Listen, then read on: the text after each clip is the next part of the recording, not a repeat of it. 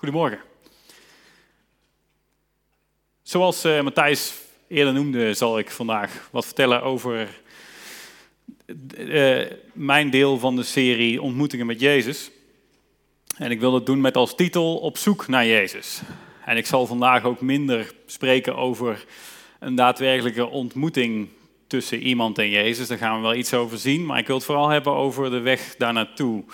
Iemand die Jezus zocht en hem vond. En wat dat betekent en wat wij daar misschien wel mee kunnen. En zoals Matthijs noemde, is dit eigenlijk een onderdeel van de serie Ontmoetingen met Jezus dus. Um, en de eerste vraag die bij mij naar boven kwam, überhaupt bij de serie, maar ook specifiek het onderwerp wat mij gegeven was, um, is waarom dan toch Jezus? Het lijkt me dat als je naar Jezus op zoek gaat of hem ontmoet of ambieert hem te ontmoeten, dat de eerste vraag, of de eerste vraag voor jezelf die beantwoord moet zijn, is waarom zou ik überhaupt Jezus zoeken of hem willen ontmoeten? Dat is voor mij in ieder geval het geval. En daar wil ik kort met jullie bij stilstaan voordat we gaan lezen uit Johannes 20. Eh, en daar wil ik een aantal lessen met jullie uittrekken. Maar om dus even te blijven bij die vraag waarom Jezus, wil ik eigenlijk jullie aan een paar mensen voorstellen. Ik ga vier mensen op het scherm laten zien en eh, eentje daarvan hoort er niet bij. En ik wil eigenlijk aan jullie vragen allereerst wie de mensen zijn die zichtbaar worden. Dus er mag geroepen worden als mensen dat willen. Eh, en als ze alle vier zichtbaar zijn, dan mogen jullie roepen wie er niet bij hoort en waarom. Het is een klein spelletje, maar laten we eens kijken of jullie dezelfde mening toebedaan zijn als mijzelf. Ik hoor volgens mij moeder Theresa voornamelijk en dat is natuurlijk correct. Yes.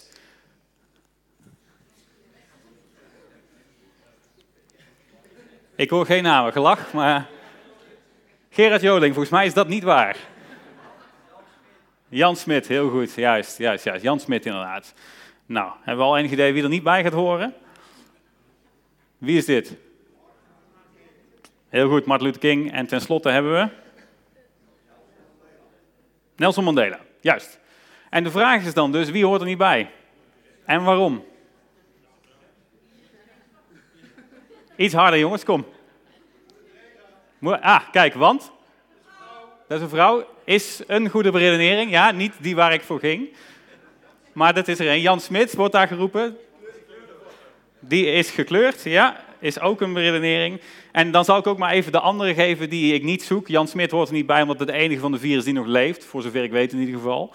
Uh, maar het is wel Jan Smit die er wat mij betreft niet bij hoort. En ik denk dat we allemaal zullen begrijpen dat het niks te maken heeft met het feit dat hij wel leeft en de rest niet. Of dat hij in kleur is uit, afgedrukt ten opzichte van de rest in zwart-wit of wat dan ook. Of, hè, om, eh, dat zullen we begrijpen, denk ik. De reden dat wat mij betreft Jan Smit er niet bij hoort, is dat die andere drie door hun woorden en daden, door hoe ze hun leven vormgaven, een enorme impact hebben gehad op hun omgeving. En daarmee zodanig dat ze dat ook op de historie hadden.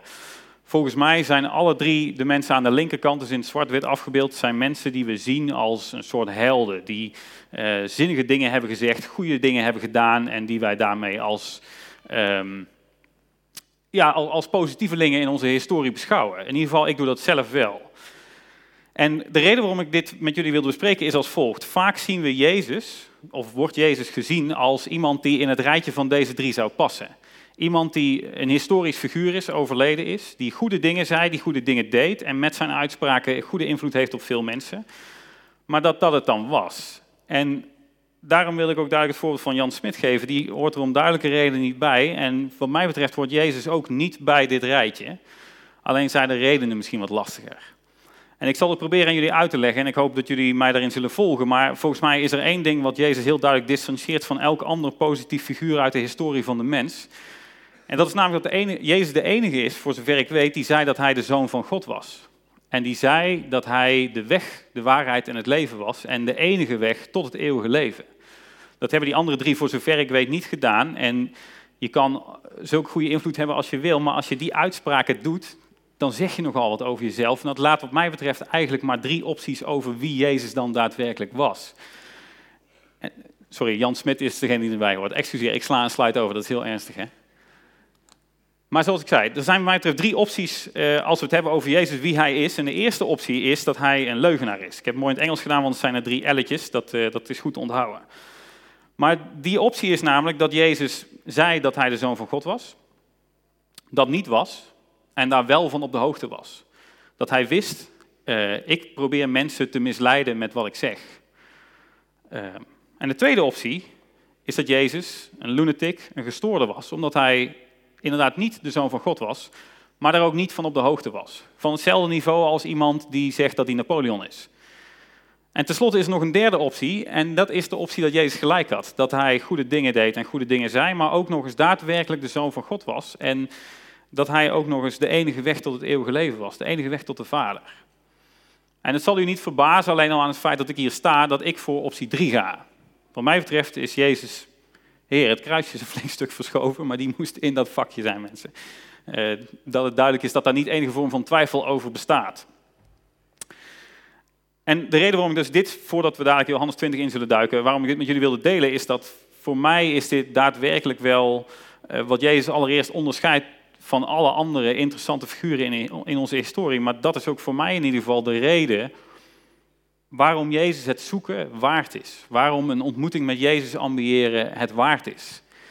En we zullen dadelijk gaan lezen uit Johannes 20 en we gaan lezen over Maria uit Magdala.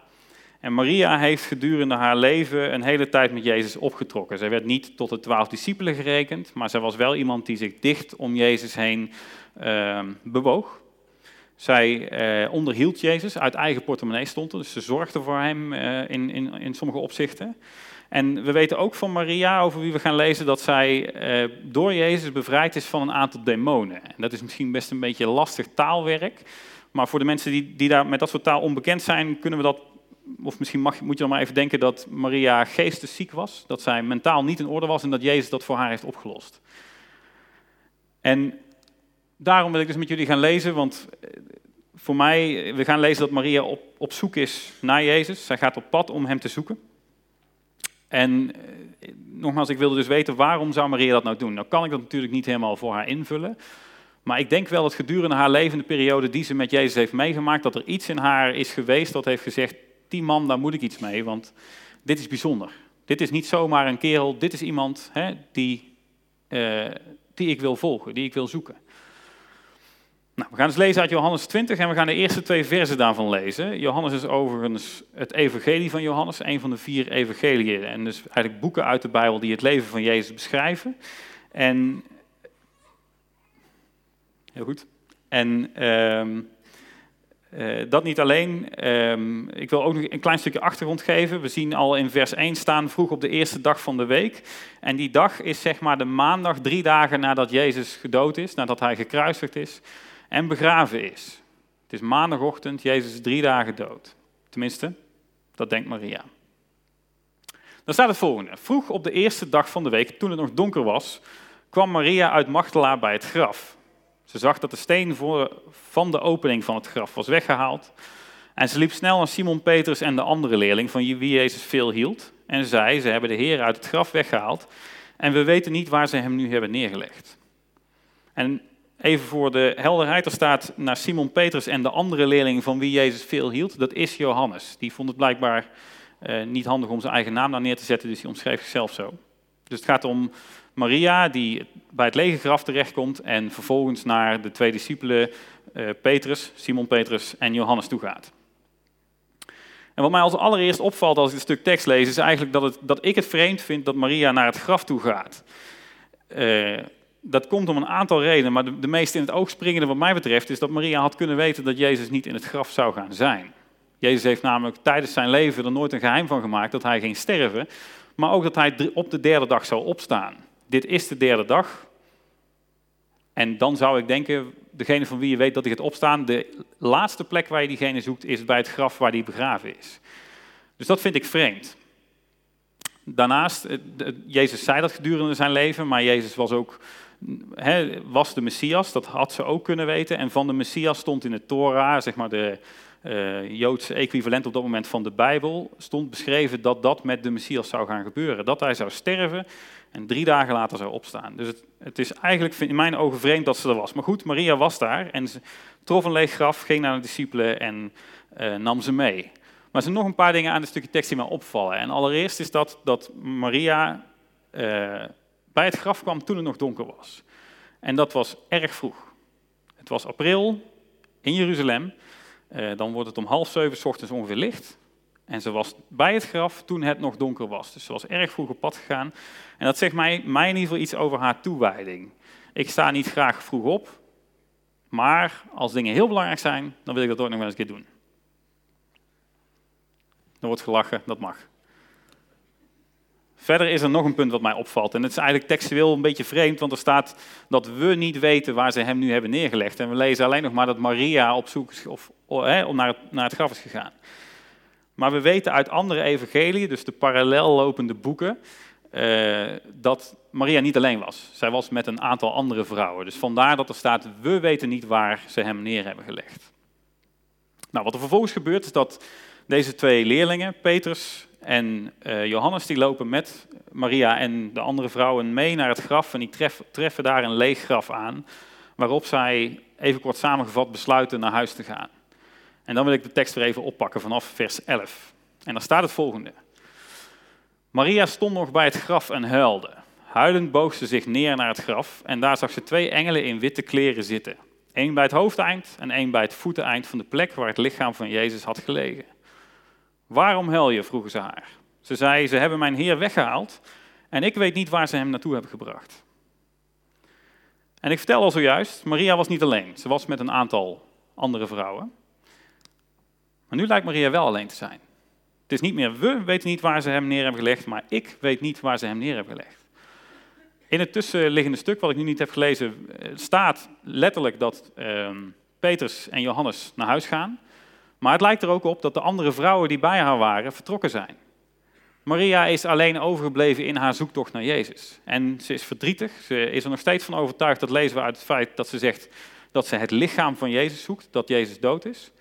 En ze, ze is alleen overgebleven en ondanks dat blijft ze bij het graf. Ondanks dat blijft haar zoektocht voortduren. En ik denk dat dat een vorm van doorzettingsvermogen is die te prijzen is. Uh, want ook is het natuurlijk zo, eh, dat heb ik niet eerder genoemd, maar Jezus is door de autoriteiten drie dagen eerder vermoord. Het is misschien wel helemaal niet zo verstandig om je bij het graf van die man op te houden in die tijd. Gewoon puur voor je eigen veiligheid. En toch kiest Maria ervoor vroeg op te staan, als de rest daar verlaten te blijven en het risico te nemen om op zoek te gaan naar Jezus. Met dat in gedachten wil ik het laatste stukje uit Johannes 20 lezen, tenminste wat voor wat we eh, voor vandaag gaan lezen.